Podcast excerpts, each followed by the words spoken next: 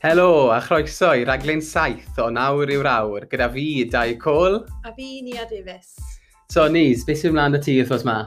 Um, Wel, sa'n gwybod, achos mae stres mawr wedi bod wrthnos ma gyda pob un yn y byd trethlon, achos bod gamin ddim wedi bod yn gweithio. So, falle na esgus gweud wrth pob un bod fi wedi rhedeg PB marathon neu bod fi wedi dala, sa'n gwybod, rhyw watts mawr ar y beic, a fi ddim yn gwybod dim llai o beth dwi wedi gwneud neu meid o, achos uh, sy'n byd ar strafa.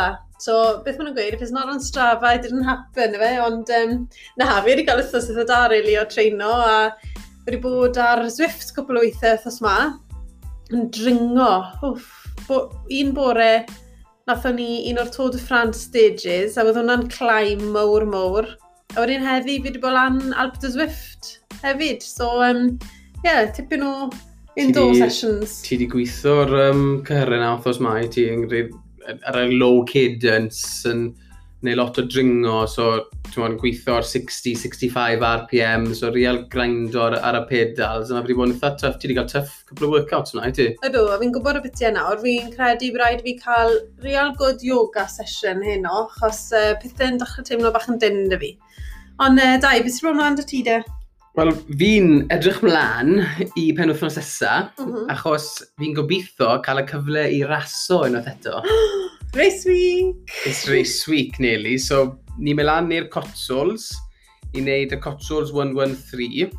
Mae'n edrych yn debyg ta hwnna bydd um, y ras cyntaf falle yn Pryden, fel trethlon ni'n mynd, ni mynd ymlaen. Ni wedi cael e-bos wrthnos hyn yn gweud bod yn edrych yn debyg fel bydd y ras yn mynd mlaen, bod British Triathlon wedi rhoi y go ahead i'r ras.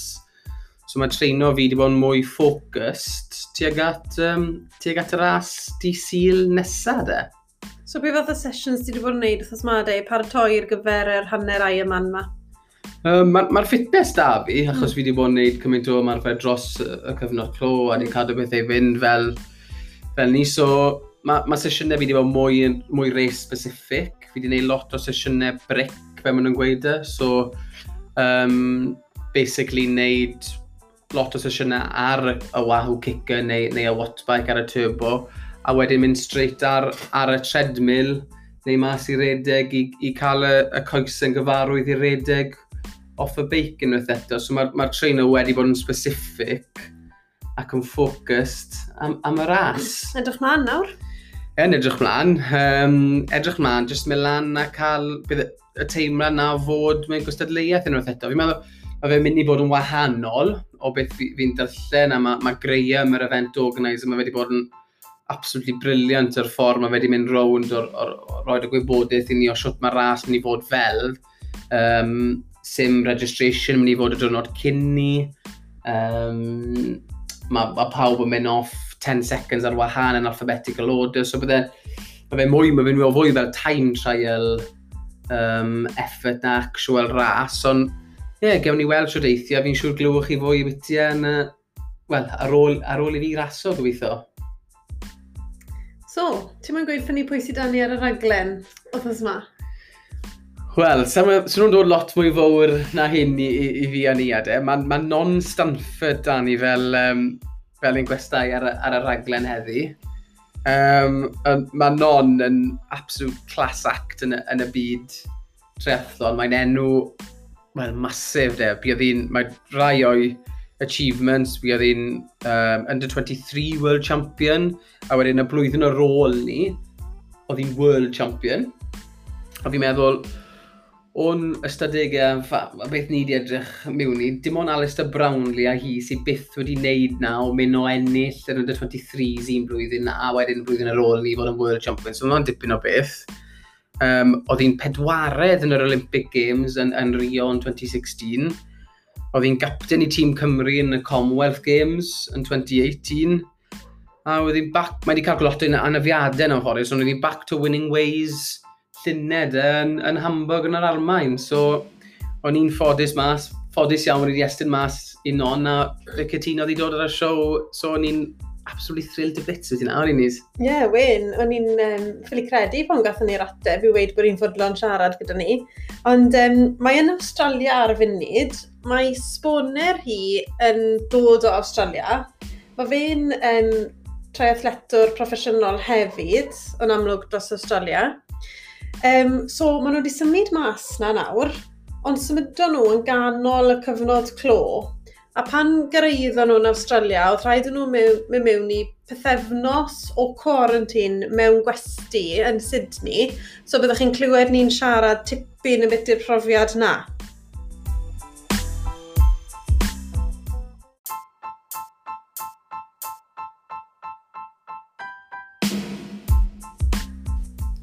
Noddwyr y rhaglen wythnos ma yw RJ Financial Planning.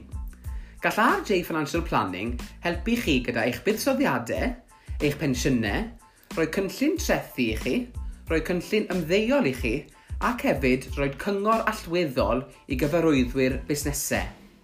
Ei brif nod yw i gyflawni canlyniadau rhagorol i chi drwy archwilio eich sefyllfa ariannol cyn cytuno cynllun gyda chi sy'n cyrraedd eich anghenion mewn modd effeithlon.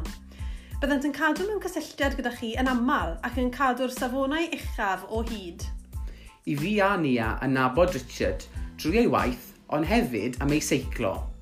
Mae yn berson rwydd i siarad gyda, a fydd e'n fwy na hapus i dreulio amser gyda chi ac esbonio popeth mewn ffordd syml.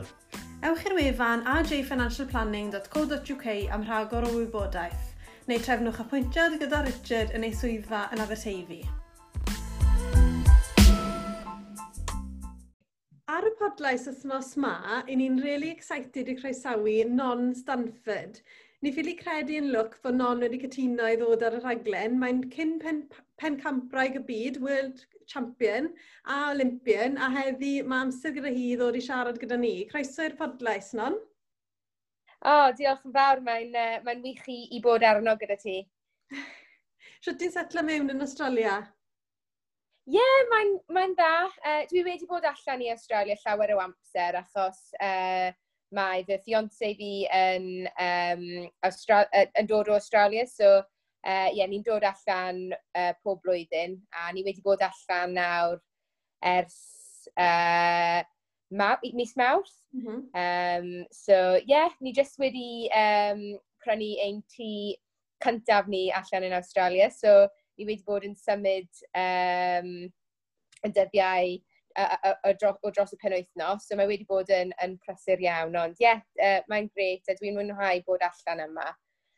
Ond dwi'n siŵr hwn yw'r tro gyntaf chi wedi dod i Australia fai a doi wythnos mewn quarantine, efe? Ie, yeah, ie, yeah, oedd hwnna'n um, profiad special i bod mewn uh, gwesti am dwy wythnos uh, heb gadael yr ystafell. Roedd e'n um, roedd e'n diddorol, uh, mm -hmm. ond roedd ni wedi uh, dod trwyddo fe a ni dal, ni ar yn dal gyda'n gilydd, so uh, profiad da am uh, priodas blwyddyn nesaf. Daw'r waith cwmpo chi mas non, achos os fydde ni'n, um, oh. os fydden ni goffo bod yn yr un ystafell dyn ni am, am 14 o o ddwrnodau, fi'n meddwl felly bydde ni wedi, um, well, sad yn gilydd. Ie, sad yn gilydd, siwr. um, ni wedi, oedden ni wedi cael dwy um, argument eitha fawr. Un o, un o nhw o drosto Uno, y gêm Uno. Um, o, ar, ar ôl hwnna, doeddwn ni ddim wedi siarad am un dydd, like 24 hours, heb siarad.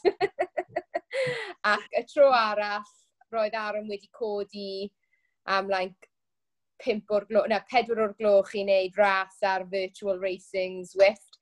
Ac roeddwn ni'n meddwl, na, mae hyn, mae hyn ridiculous. Mae rhaid fi bod mewn y stafell yna, yma trwy'r dydd. fi ddim eisiau bod lan yn fwyaf hmm. gynnar. so, no. o'n i wedi cael tymau bach o uh, falling out ar, ar ôl hwnna, ond un bach, un awr, heb siarad. O'n i'n mynd i gweud, ti'n bod, fel, um, so fe'n sôn rhwydd, achos bod mor mwyn amser ydych chi'n un ystafell da'ch gilydd, e a wedyn mae Aaron yn treol codi, um, bod, fel ysdi, 4-5 y gloch, mae'n oriau sio mynd yn digon ara, fel wen, heb, heb sôn yn fe goffa codi mor gynnar i goffa uh, mynd i wneud Swift Race. Ie, yeah, ac, ac um, yn y race, oedd e wedi um, yw sick ar fy um, uh, bike shoes. So, I was like, brilliant. ac does dim um, ffenest sy'n agor. Oh. Uh, roedd y air conditioning ddim yn gweithio, so roedd e'n just gwynto yn disgusting. So, end so, of my tether. so o'ch chi ffili gadael yr ystafell o gwbl de, yn y, yn y, yn y period o'n o'na, o'ch chi literally'n stuck mewn na? Ie, yeah, ni ddim gallu gadael. Pan um, oedd ni wedi mynd lan i'r ystafell ar dydd cyntaf, roedd y security guard uh, wedi dweud, wel, byddwch chi ddim yn, uh, byddwch chi ddim yn uh, uh, gallu defnyddio hwn uh, a mm-hmm. hwn ar y ci ac roedd wedi cerdded bant gyda fe. So, um, ie, yeah, wow. chi ddim yn gallu gadael ac os chi'n agor y drws i edrych uh, os mae eich bwyd chi tu allan i'r drws, roedd y security guard yn rhoi ei pen round y, round y cornel ac i gweld beth roedd i chi'n neud. So, ie, yeah, doedd dim siams o, o gadael. Um, so, am, um, you know, roedd e'n roedd e'n profiad diddorol ac dwi'n credu hmm. am rai pobl roedd e'n really, really galed. Mm. Um, ond, ie, yeah, oedd e'n oce. Okay. Oedd cael, o, o cael y baic yn y, yn y stafell yn, yn really dda, achos roedd e'n just roi rhywbeth iddi ni wneud pan roedd ni'n mewn na, ac wneud uh, roi fath o exercise, really. Mm. Gys ti chance neu lot o seiclo ar, ar Zwift a bethau tra bod ti'n ti rwy'n lot o beth eraill i wneud siw fod, ond gys ti good block o seiclo mewn fyna? Ie, yeah, roedd fi'n mynd llawer o seiclo. Uh, I think, roedd Aaron wedi wneud tua 40 awr dros y dwy pen wythnos. Wow. Uh, doedd ni ddim wedi wneud quite as much. Um, ond roeddwn ni'n wneud llawer o like, home gym stuff hefyd, so um, yeah. Oedd y bwyd ddim yn briliant? Na, roedd y bwyd yn... O, oh, roedd yn awful. Um, roedd rai o'r um, rai o'r meals yn just, you couldn't eat them, roedden nhw'n inedible really. Uh, so dydy hwnna ddim yn helpu'r um, moral hefyd. So, na. Um, na. Ond yn y wythnos, um, ar ail wythnos, roeddwn ni'n gallu cael Uber Eats, mm -hmm. a that was mhm. game changer. yeah. Achos, ni fel, ni fel athletes a ti fel athletes, ni'n gwybod pa mor bwysig mae bwyd a ni'n siŵr, wel, fi'n mynd yn very grumpy os nad yw'n cael, especially rôl treino, ti'n edrych man i bita i ti. It's one of those things, yeah. like, oh, be fi'n mynd i cael ei brecwas, be fi'n mynd i cael ei cynna, achos ti'n treino mor gymaint, fel fi, definitely, fi wastod hungry.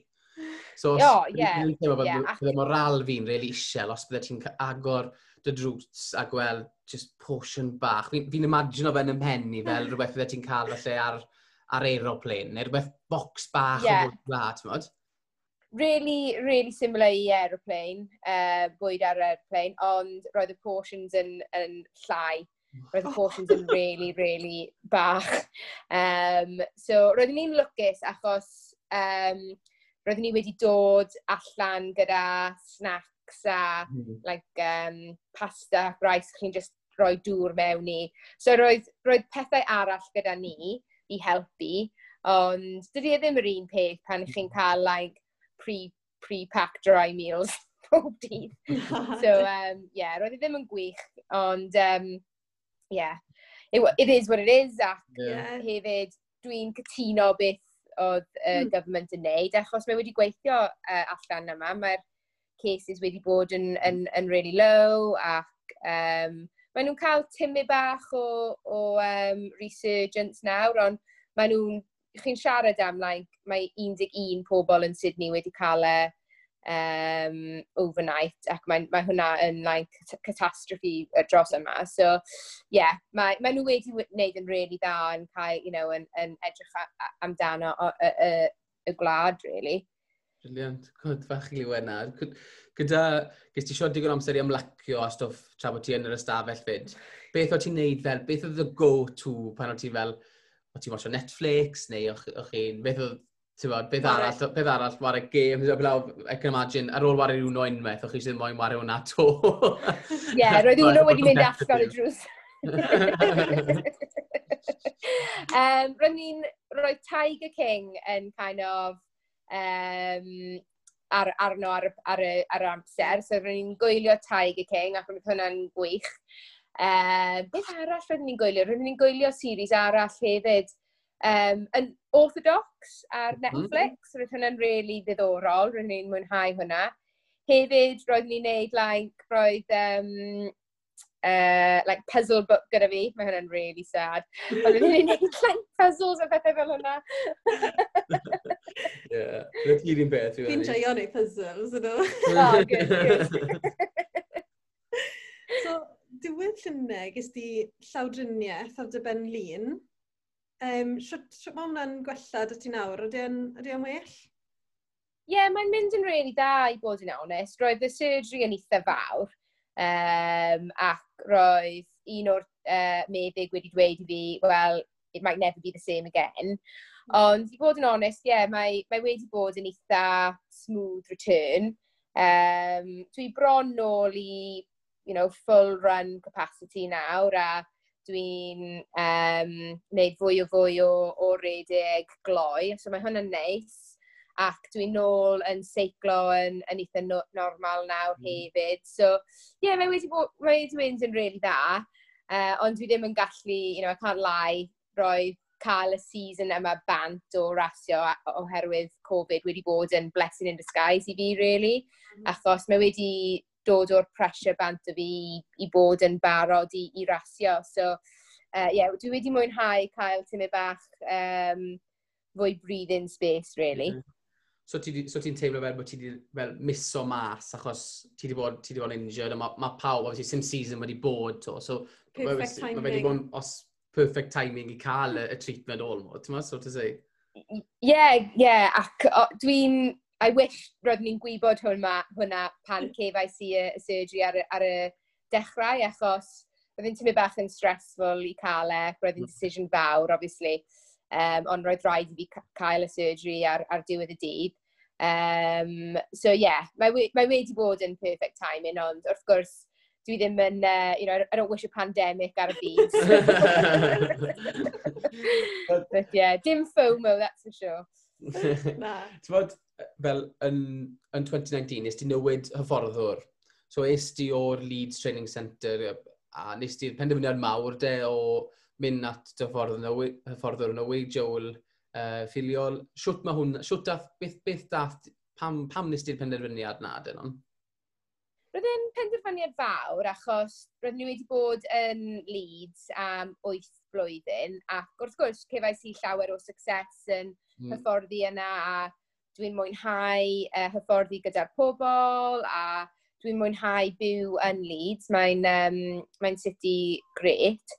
Ond roedd ar ôl yr Olympics, roedd llawer o pobl roedd ni'n gweithio gyda uh, wedi gadael. Roedd dau o'r um, hyfforddwr major yn y centre, roedd nhw wedi gadael, roedd rai o'r training partners wedi gadael. So, doedd e ddim yr un yr un peth ac oedd e cyn yr Olympics.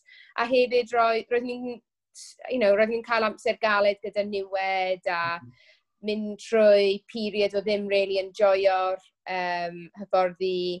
So, roedd just, roedd yn dau options really i, i gadael triathlon ac mynd mewn i um, real job, neu just cael newid, wneud rhywbeth different a gweld os fydde'n yn gweithio i fi ac os fydde'n mwynhau e unwaith eto. So, penderfynais, um, do'n i ddim eisiau uh, cerdded o bant i triathlon eto no, eto uh, ar, ar hyn o bryd. So, um, yeah, es i Joel ac roedd e'n uh, penderfyniad gorau dwi wedi, mei, uh, wedi wneud, really.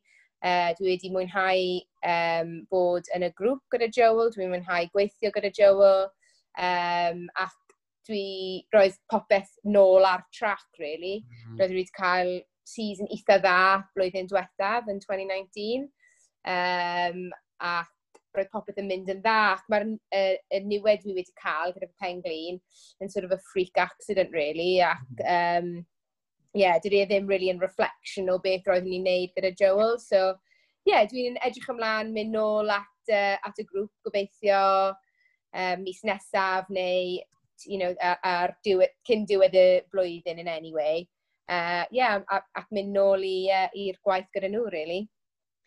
Oedd, um, oedd yr hyfforddi newydd, obviously, yn gweithio, achos ges di llwyddiant yn ennill Hamburg yn 2019, so llongyfarchiadau. Yeah. Ond i pig o'n yeah. arall wedys di fyna, yn beth i cael swydd in the, in the real world, de. A o'n i'n darllen dy vlog di, a o'n i'n gweud wrth y dau, gofyn, mae'n hwn yn rili really galluog, mae'n sgrifennu'n rili really dda. A o'n i'n gwrando'r podcast arall, a o'n i'n um, clywed bod ti bron o fod yn head girl yn ysgol di, a obviously mae dy grid ydy yn prifysgol hefyd. Beth, pwy opsiwn bydde wedi bod ati os bydde ti wedi gorfod wneud rhyw swydd arall yn hytrach na fod yn trethu llawn amser?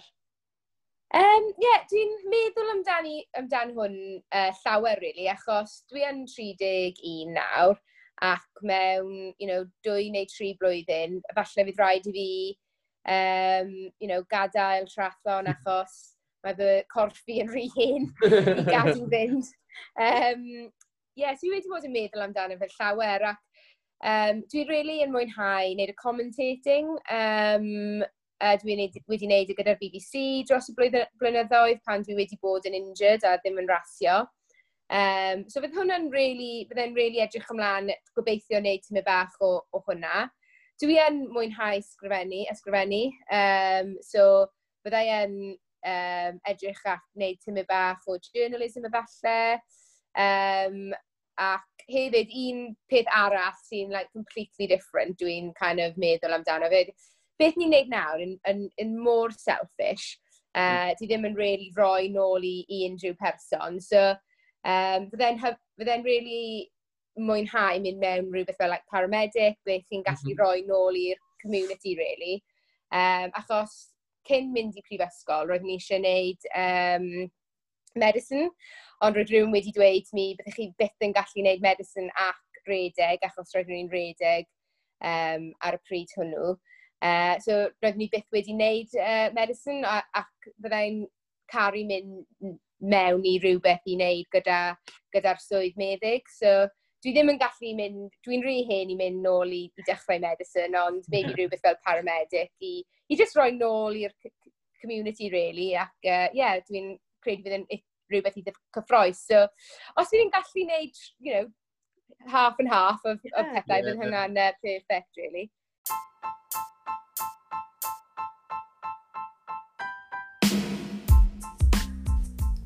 Noddwyr y rhaglen wythnos ma yw RJ Financial Planning. Gall RJ Financial Planning helpu chi gyda eich buddsoddiadau, eich pensiynau, rhoi cynllun trethu i chi, rhoi cynllun ymddeuol i chi, ac hefyd rhoi cyngor allweddol i gyfarwyddwyr busnesau. Ei brif nod yw i gyflawni canlyniadau rhagorol i chi drwy archwilio eich sefyllfa ariannol cyn cytuno cynllun gyda chi sy'n cyrraedd eich anghenion mewn modd effeithlon. Byddant yn cadw mewn cysylltiad gyda chi yn aml ac yn cadw'r safonau uchaf o hyd. I fi a Nia yn nabod Richard drwy ei waith, ond hefyd am ei seiclo.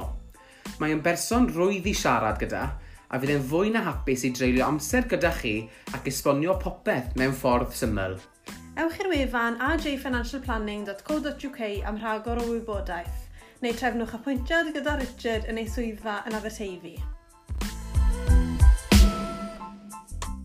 Beth oedd y gwahaniaethau rhwng ymarfer gyda Joel a ti'n gweud pethau mynd y dda, gys i llwyddiant yn Hamburg a falle siwt weddi yn, yn Leeds ar y diwedd. Siwt oedd yr ymarfer yn newid a beth ti wedi gweld sydd wedi falle benefit o ti o mynd at, at Joel yn specific i, i, i, am, am y newid na? Um, ar diwedd y dwy flwyddyn um, diwedd fi yn Leeds, roeddwn ni'n pretty much self-coaching. So hmm. roeddwn ni'n mynd um, i'r sessions roedd yn arno, like nofio, sessions nofio ac sessions redeg, ond fi roedd yn um, kind of uh, edrych ar y plan um, as a whole ac roedd ni'n ffeindio'n rhy galed i kind of uh, i penderfynu beth i wneud pob dydd ac doedd ni ddim yn mwynhau cael total control mm -hmm. um, achos you know, dwi'n I'm really prone i wneud too much, you know, overdoing it. Galed. A, yeah. yeah dwi'n eisiau rhywun i, rhywun i, i ddweud i fi, na, mae hwnna'n digon, chi wedi wneud um, popeth mae rhaid i chi wneud heddiw. So, ie, yeah, i fi, uh, just cael rhywun yn um, dweud fi beth i wneud pob dydd wedi wneud gwahaniaeth enfawr.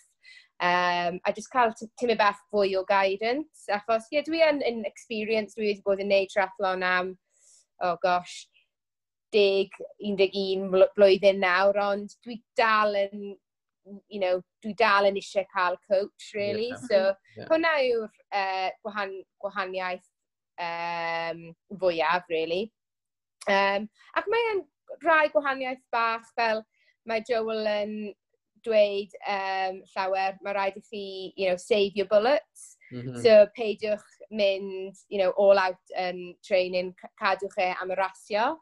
Um, ac mae hwnna wedi bod yn, yn sort of revelation i fi, really, achos uh, fel dwedais i, dwi yn prone i, i like, dwi wastod yn like, push, always pushing ac ddim yn gwybod pan i, pan, pan i, i mynd yn hawdd. So, yeah, um, mae e'n fwyaf, you know, keep a lid on it really ac mae hwnna'n gret i fi. So, yeah. So beth yw'r gol nesau i ti ar hyn o bryd yn on? Ydy Tokyo yn rhywbeth sy'n ti'n anelu at neu oes rhyw gol arall gyda ti? Wel ar y foment dwi just really yn edrych at dod nôl o'r, or surgery ar fy penglin. Um, yeah, och, roedd e yn surgery really fawr, so dwi ddim yn gwybod sut dwi'n mynd i rasio, ond gobeithio fyddai'n gallu dod nôl at y, y lefel roedd ni yn pre-surgery. Um, so ar y foment hwnna yw'r gol fwyaf i, i just dod nôl o hwnna. Um, ond, ie, yeah, you know, edrych ar blwyddyn, blwyddyn nesaf, um, bydd y gemau Olympau arno, a dwi ddim wedi ysgrifennu hwnna bant.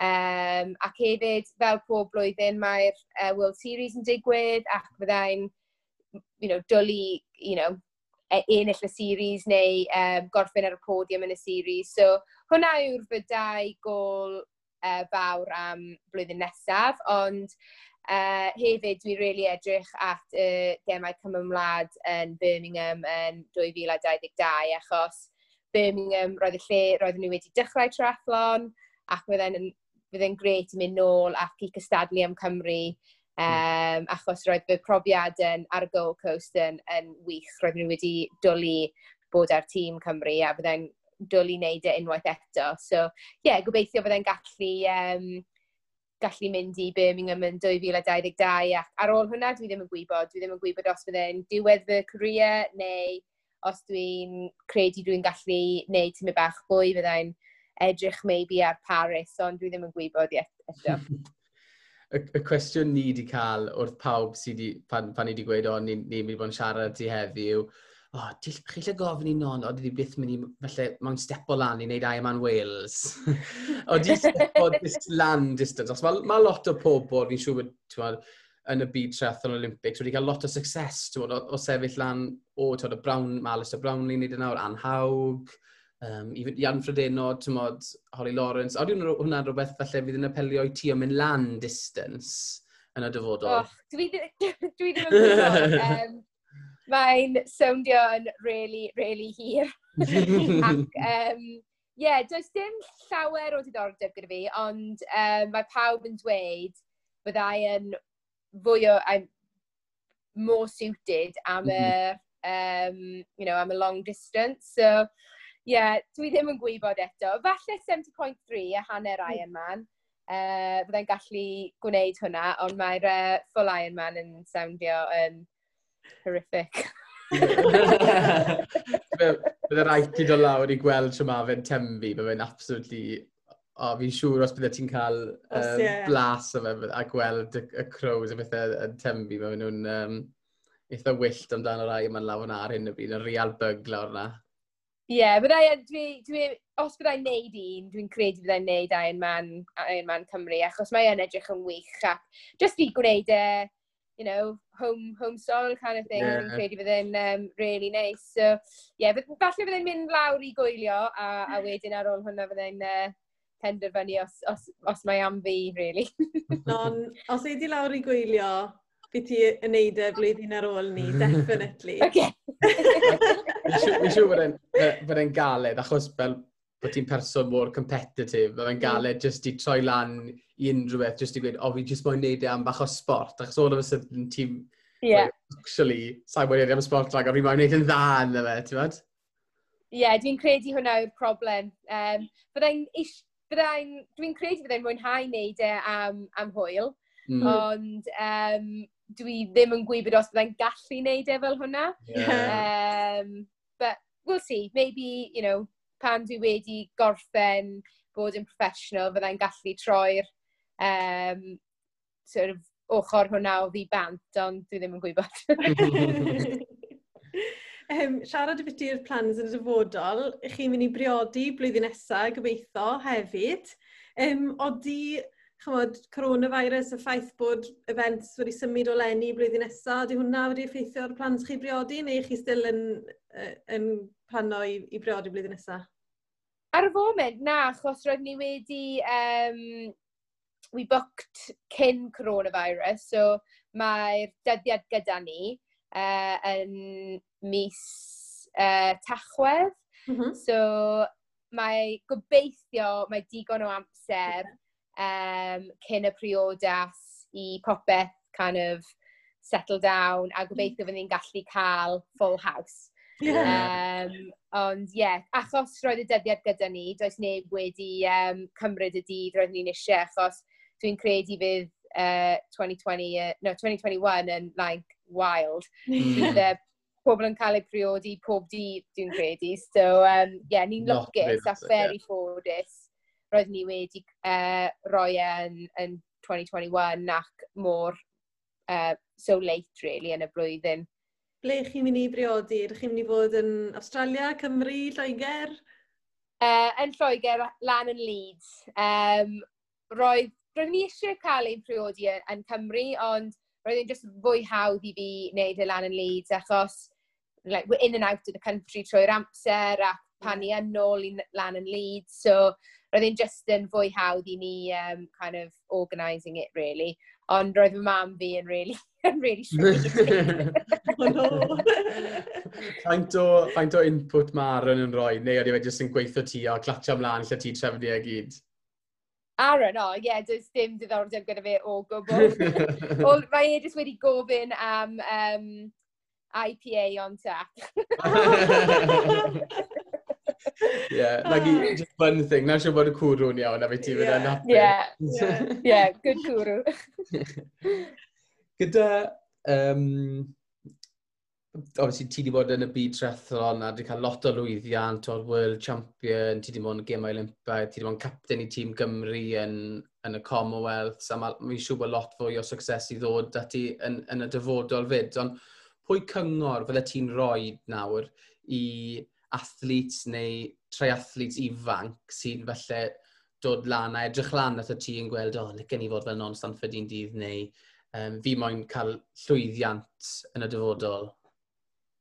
Um, Dwi'n credu y peth uh, fwyaf pwysig yw i cael patience um, yn y sport o triathlon. Does dim byd yn, yn digwydd uh, dros y nos. Um, mae rhaid i chi'n gweithio'n galed, ond um, hefyd mae rhaid i chi bod yn, uh, yn smart. So mae rhaid i chi hyfforddi yn smart. Peidiwch wneud uh, rhy gymaint, achos mm -hmm Um, fydd newid gyda chi ac, yeah, so basically, bod yn patient um, ac hyfforddi yn smart, really, yw'r um, pethau gorau dwi'n gallu dweud. Ac mwynhe, mwynhewch e, os chi ddim yn mwynhau beth chi'n neud, does dim point, really, ac mae rhaid i chi wneud llawer o hyfforddi, so os ti ddim yn enjoyo fe, then but then uh, ddim yn, it's not worth it. So yeah, mwynhewch beth chi'n neud, really pob, um, pob un sy'n dod ar y rhaglen gyda ni, mae tri cwestiwn yn ni'n gofyn i pob person. So, okay. cwestiwn cynta yw, imagine nawr bod dim ond hawl dy ti'n neud un ras to, ond mae fe rhaid fe fod yn ras ti wedi wneud o'r blaen. So pwy ras bydde ti'n dewis ail wneud, os bydde ti'n cael cyfle i wneud na? Um, a, a, like, the, like, um, as in you'd get to redo that year again, neu just neud y ras unwaith eto? Just fel y profiad o'r ras, achos oedd efallai'r lleoliad neu'r cwrs, rhywbeth o'ch chi'n rhaid i... diwrnod, yeah. unrhyw beth sy'n sefyll mas i ti. Ie. Yeah. Um, Bydd rhaid i fi dweud, um, efallai y gemau Olympics yn Rio, achos roedd ni'n so nervous cyn y race. So, ni ddim really wedi sort of uh, mwynhau e.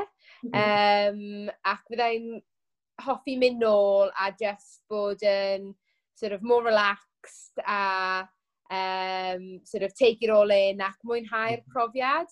Um, achos ie, yeah, roedden ni'n mor nervous cyn y ras. Ac dwi'n credu os byddai'n mynd mewn um, fel hwnna yn, yn, yn more relaxed, byddai wedi wneud yn, yn gwell hefyd. So ie, um, yeah, byddai'n hoffi mynd nôl a, a wneud y ras hwnna unwaith eto i um, just mwynhau'r profiad yn fwy.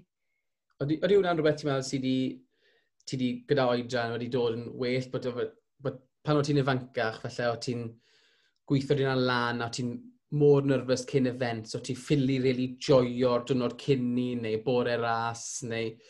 A ti'n edrych nawr, falle bod ti'n mwy profiadol, a bod ti'n bach llai o nyrfau, a bod ti'n bach mwy relaxed, a bod falle hwnna'n gweithio o benefit i ti da yeah, definitely. Um, yn wedig pan roeddwn ni'n really ifanc yn rasio pan roeddwn ni'n ysgol, roeddwn ni'n so, so nervous hmm. cyn, mm. cyn rasio.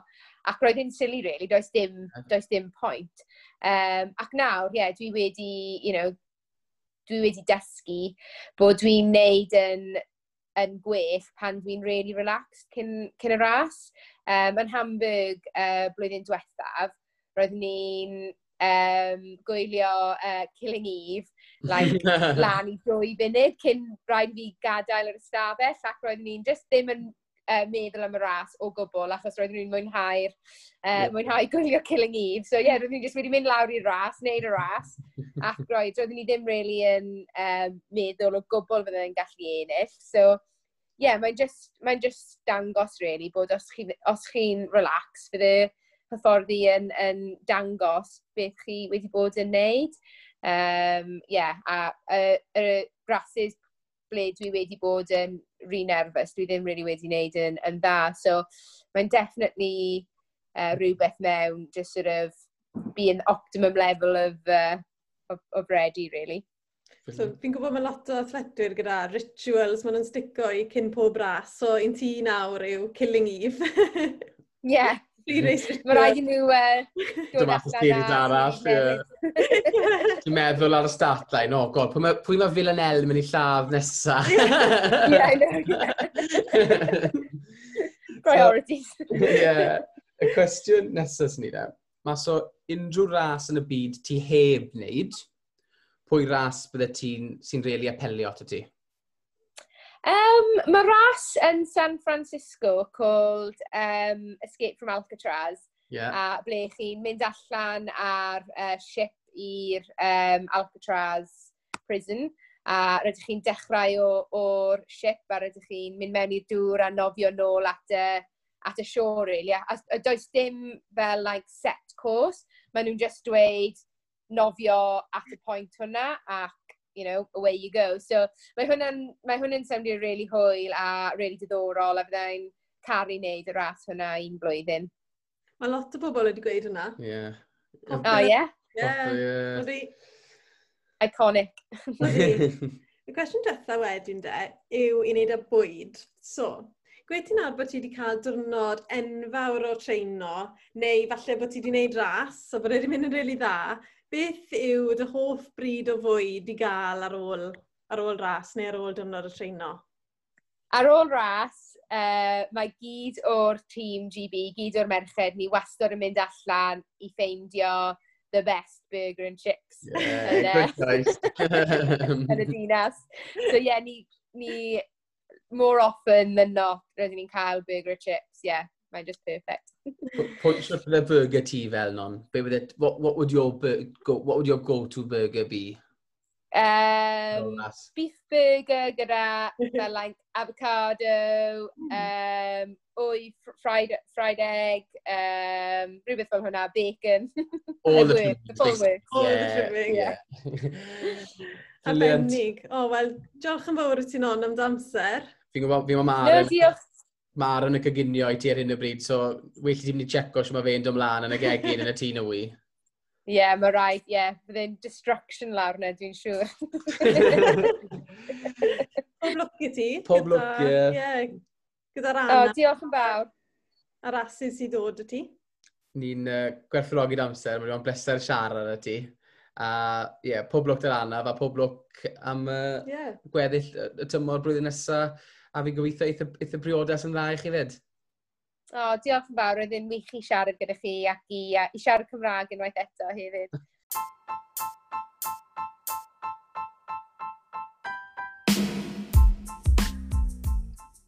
gwrs hynod o ddiddorol gyda non fyna David. Dres i clywed hi'n siarad y byti treino hi, a mae'n diddorol i clywed sy'n ots pwy lefel o trethlu twyti. Mae pob un gyda'r un problemau mwy neu lai, sef gor-treino a gorfod dala nôl.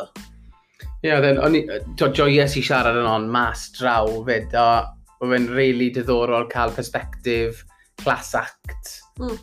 um, yn y byd proffesiynol, yn siarad hefyd bod hi goffo cael ei dala nôl. Mm. Dyma, hwnna'r un o'r gwahaniaethau fwyaf oedd hi wedi weld trwy mynd at Joel Filiol de a gadael y centr yn, yn Leeds. A un o'r benefits mwyaf bod i wedi gweld bod Joel yn trial dala hi nôl a bod hi'n licio cael y guidance na, o'n i'n ffeindio hwnna'n hynod o, o, o ddiddorol, ti'n modd?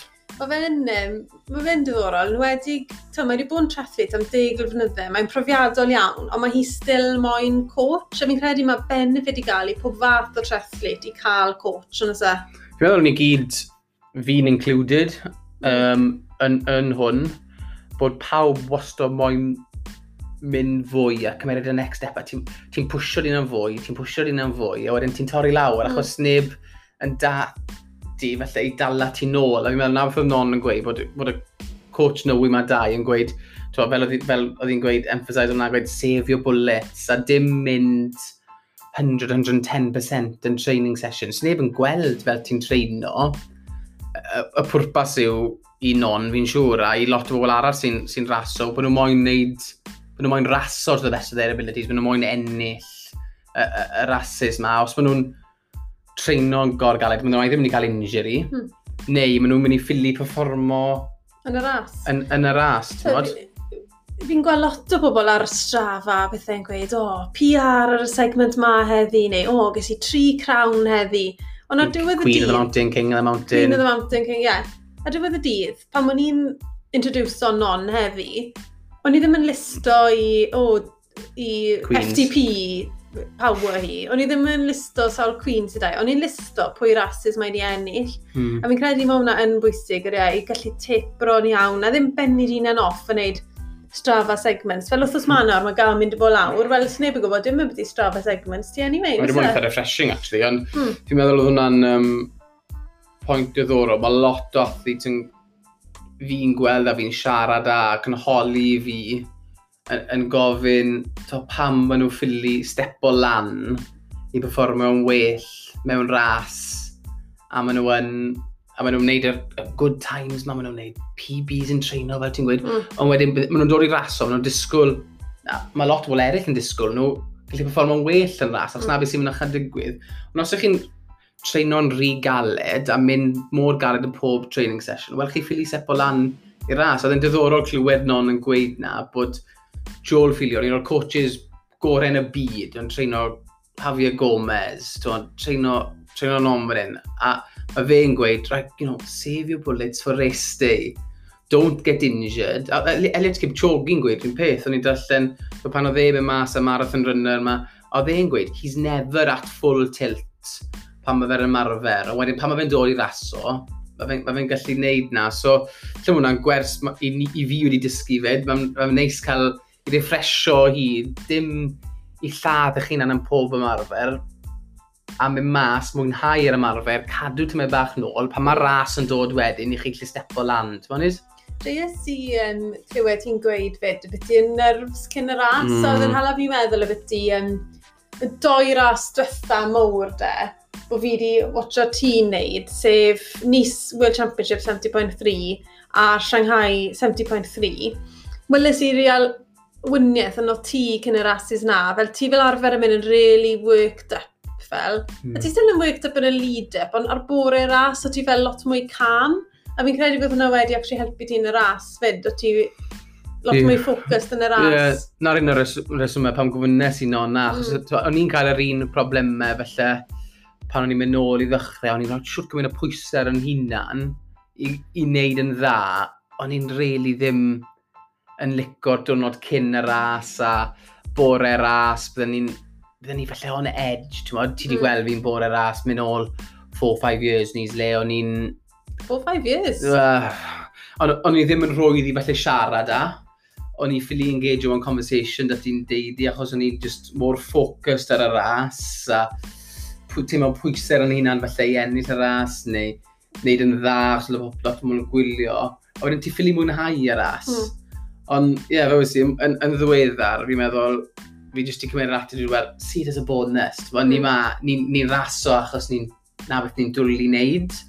A ie, yeah, mas yn Nis a mas yn Shanghai, oedd e just cymryd sy'n pwysau off yn hunan a wedyn yn wedding yn Shanghai, hwnna'r siwr un o'r rasis gorau fi wedi cael, yn enwedig, enwedig y bike split na, ti'n modd le yeah. just ti a fi wedd a o'n i ddim wedi gweithio yn o'n lan cymaint, o'n i mas am y profiad yn gwlad nwy just take it all in your stride, ti'n modd, a oedd joyes i non yn gweud yn siarad i Killing Eve a'r ffaith oedd wedi ennill un o'r rases fwyaf yn y byd yn, yn Hamburg yn erbyn y goreion yn y byd, a oedd i'n watcho Killing Eve o'n nhw'n cael gwaith cael i'r stat line cynni, oedd hwnna'n briliant, ti'n modd? Do, JS i hwnna.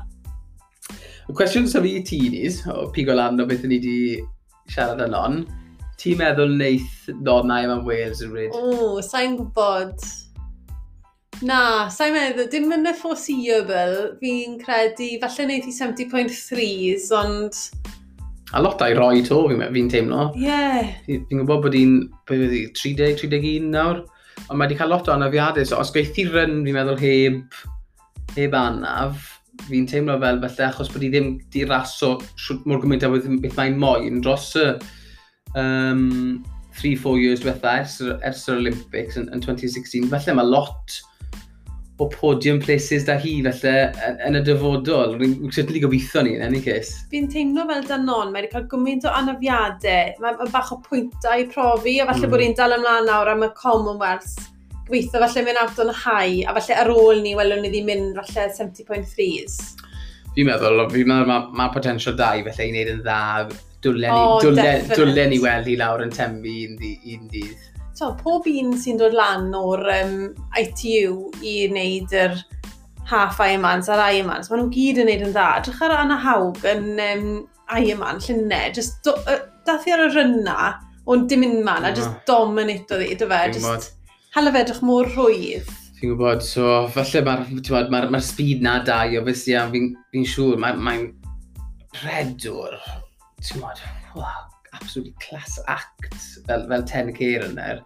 Um, a cefndir redig o dau pan oedd hi'n ifanc yn ennill Welsh Schools Championships. Ti'n moyn dropo mewn bod ti arfer rhedeg i dau. O'n i fi'n cofio o'r pen o'n i'n ifanc, twyd o'n i'n rhedeg Welsh Schools, Welsh Athletics, i'r Madden Harriers, a oedd non un bach wedi prynu, a oedd i'n rhedeg i'r Swansea Harriers. A oedd i'n absolutely dominant o'r field, cross hmm. country, 800, 1500, a oedd i'n neud e edrych mor oedd. So mae'n mae redwr. Tad. Unbelievable o dda, ti'n modd? A, a fi'n siŵr, allai stepo hwnna lan i redeg very good, falle half marathon yn, yn 70.3 yn dydd, ti'n modd? Ond um, watch your space yn hwnna, falle. Watch the space, ie. Yeah.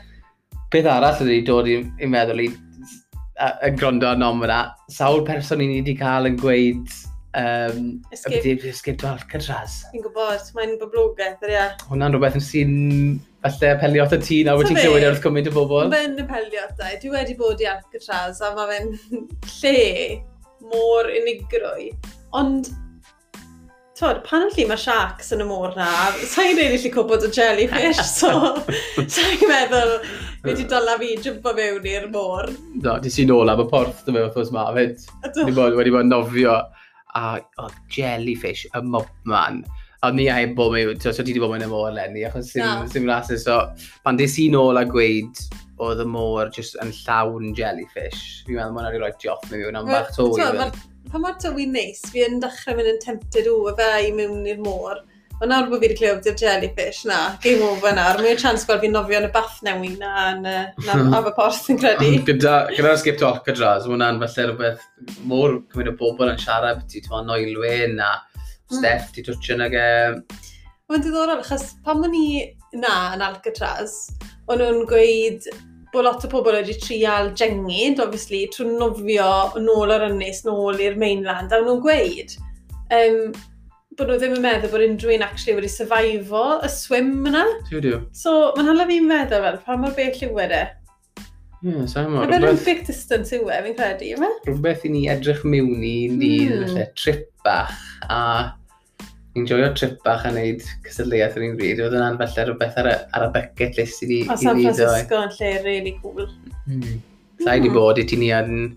Ti ni wedi bod yn ffodus i fynd i ti, ond hwnna'n felly rhywbeth i ni cael am achor amser yn, yn America, felly edrych ar wneud escape to Alcatraz, oedd hwnna'n tipyn o, tipyn o drip fi'n meddwl. Cyn bod ni'n um, gorffen y raglen heddi, lygen ni diolch i pob un nath um, entro cystadleuaeth oedd gyda ni ar Facebook os oes dytha, sef i ennill 5 pryd Lean Kitchen. So diolch i pawb yn nath cymeryd rhan yn hwnna. A diolch hefyd i noddwyr ni wrthos ma, sef RJ Financial Planning. A fi jyst wedi'n gweud diolch yn fawr iawn i non am hala hanner awr o'i amser i, i fi a ni. A mae'n absolute class act fel athlete ac hefyd fel person. Oedd hi mor lyflu. Um, absolutely class act, oes i, athlete a person, a ni'n really yn gobeithio gweld nôl ar y podiwm gyn bo hir yn ennill uh, rai o'r rhasys fwyaf fwya yn y byd. So, ie, yeah, diolch yn fawr iawn i ti, non. Dwi'n credu fydd rhaid i ni cael trip i Birmingham am y Commonwealth. Heb without a shadow of a doubt. Heb os na goni bai. Ewn ni, ma, ewn ni lan i Birmingham, welwn ni non yn ennill y Commonwealth. Yeah. Dim pwysau nawr non. a dalwn ni ddiam interview arall yn awr yr awr. O, oh, bydde hwnna'n brydliant, bydde fe. Drach i chi gyd am rando, thys ma to. Dara.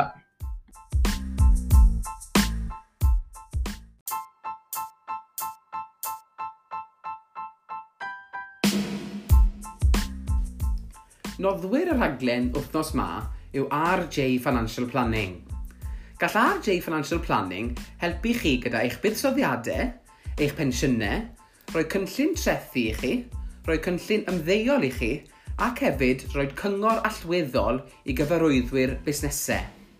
Ei brif nod yw i gyflawni canlyniadau rhagorol i chi drwy archwilio eich sefyllfa ariannol cyn cytuno cynllun gyda chi sy'n cyrraedd eich anghenion mewn modd effeithlon byddant yn cadw mewn cysylltiad gyda chi yn aml ac yn cadw'r safonau uchaf o hyd. I fi a Nia yn nabod Richard drwy ei waith, ond hefyd am ei seiclo. Mae yn berson rwydd i siarad gyda, a fydd e'n fwy na hapus i dreulio amser gyda chi ac esbonio popeth mewn ffordd syml. Ewch i'r wefan ajfinancialplanning.co.uk am rhagor o wybodaeth, neu trefnwch apwyntiad gyda Richard yn ei swyddfa yn Aberteifi.